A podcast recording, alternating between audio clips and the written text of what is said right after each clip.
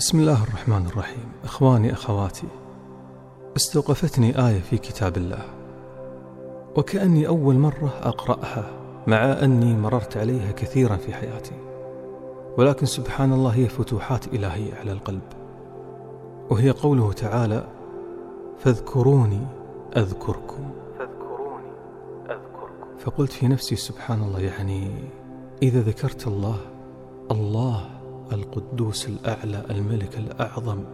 يذكرني أنا العبد الفقير الذليل المخلوق. يعني سأكون بعينه في رعايته في حفظه في توفيقه في ولايته. يحبني الله. فطرأ في بالي قوله تعالى فإنك بأعيننا. هكذا أتاني شعور أن الذاكره لله الذكر هذا يجعلك بعين الله يعني في الرقابه الإلهية والمعية الإلهية الخاصة. وسبحان الله يا إخواني عندما ذهبت وفتحت المصحف على قوله تعالى فإنك بأعيننا تفاجأت. اسمعوا سياق الآية. واصبر لحكم ربك فإنك بأعيننا وسبح بحمد ربك حين تقوم ومن الليل فسبحه وإدبار النجوم. مباشرة بعد قوله تعالى فإنك بأعيننا أتى التسبيح. لكي تكون بعين الله كن من المسبحين. أي يا محمد أكثر من التسبيح يعني الذكر. الله أكبر.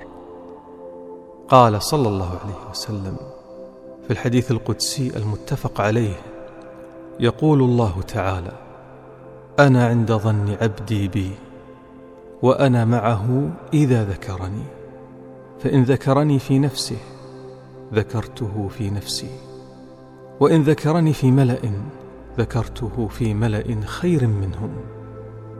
ويقول العارفون بالله إذا أحب الله عبدا أطلق لسانه بالذكر. أطلق لسانه بالذكر. قال سبحانه الذين يذكرون الله قياما وقعودا وعلى جنوبهم. وعلى جنوبهم. عن النبي صلى الله عليه وسلم أنه قال مثل الذي يذكر ربه والذي لا يذكر ربه مثل الحي والميت.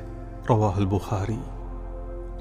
وقال المصطفى المختار بأبي وأمي رسول الله ألا أنبئكم بخير أعمالكم؟ وأرضاها عند مليككم وأرفعها في درجاتكم وخير لكم من إعطاء الذهب والورق يعني الفضة.